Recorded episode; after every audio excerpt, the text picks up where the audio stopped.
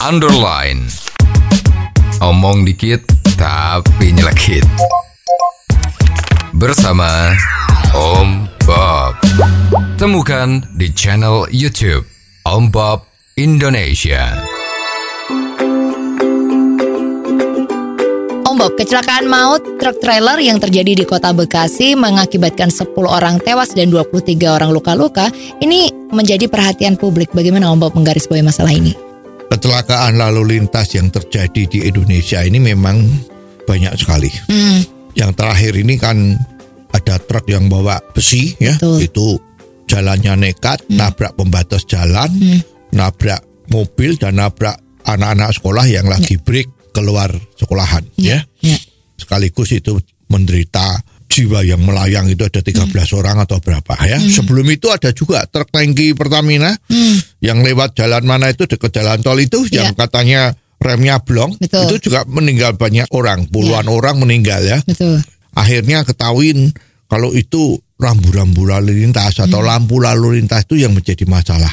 Ya sebetulnya daerah sana tuh nggak boleh pakai lampu kok dipasang lampu lalu lintas sehingga banyak supir yang kaget ya dan menimbulkan kecelakaan rem mendadak tadi itu. Ya, ya. Kalau kita teliti dari kejadian-kejadian ini ya sering sekali ada yang dikatakan ini human error. Ya kalau human error itu artinya supirnya yang nggak becus. Ya.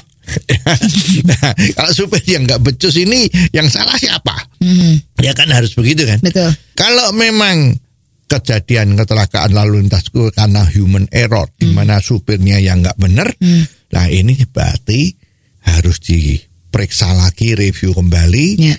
apakah tata cara mendapatkan SIM itu sudah betul. Ya.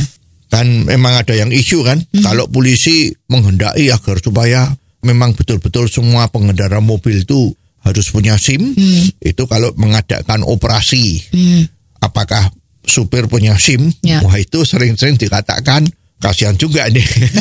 Wah ini aparat kepolisian ini atau oknumnya ini tuh mencari-cari perkara. Ya. Nah mungkin mencari tambahan ya, gitu kan. Ya. Ya, karena memang secara umum itu pemeriksaan SIM itu dilakukan kalau memang you terjadi pelanggaran. Hmm. Jadi kalau nggak ada apa-apa nggak bisa dicegat terus mana you punya SIM itu Ya. nggak bisa. Ya. Ya. Nah, tapi karena kejadian kecelakaan lalu lintas sekarang ini banyak yang karena itu human error, Hmm. nah memang ini harus diperiksa. Hmm. Ya, yang diperiksa sebetulnya bagaimana dia bisa mendapatkan SIM tadi itu. Betul. Ah, ini udah menjadi rahasia umum kan? Kalau orang melakukan ujian untuk mendapatkan SIM itu memang jalannya berliku Ya. Pertama kali periksa dokter kesehatan Betul. matanya bagaimana, ya kesehatannya bagaimana, ya itu diperiksa semua ya. Betul. Setelah itu melakukan ujian. Hmm. Kalau bawa mobil, ah, mobilnya otomatis atau tidak, Ya. itu ujiannya juga berbeda, Ya. ya. Ya. Nah untuk ujian ini memang dilakukan di lapangan yang ada semacam rambu-rambu ya untuk putar-putar, ya untuk maju mundur ya. juga di samping itu juga ada tes tertulis.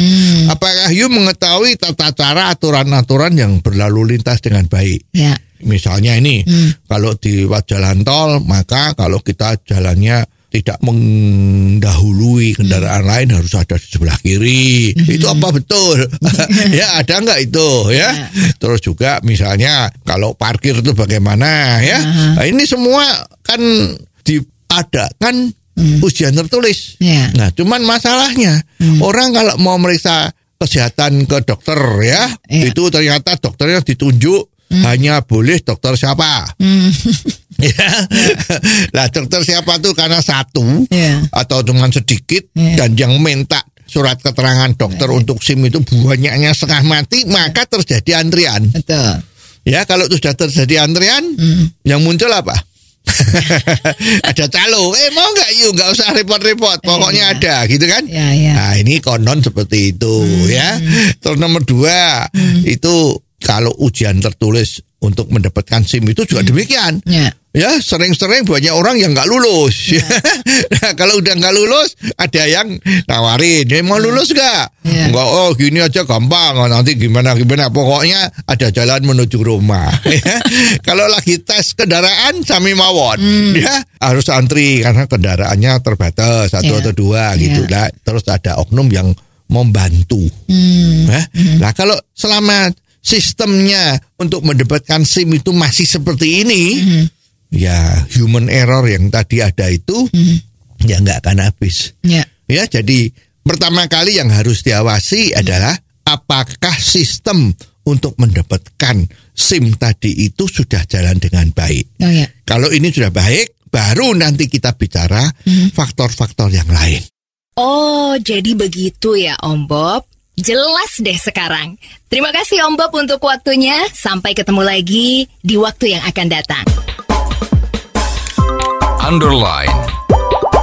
Omong dikit tapi nyelekit. Bersama Om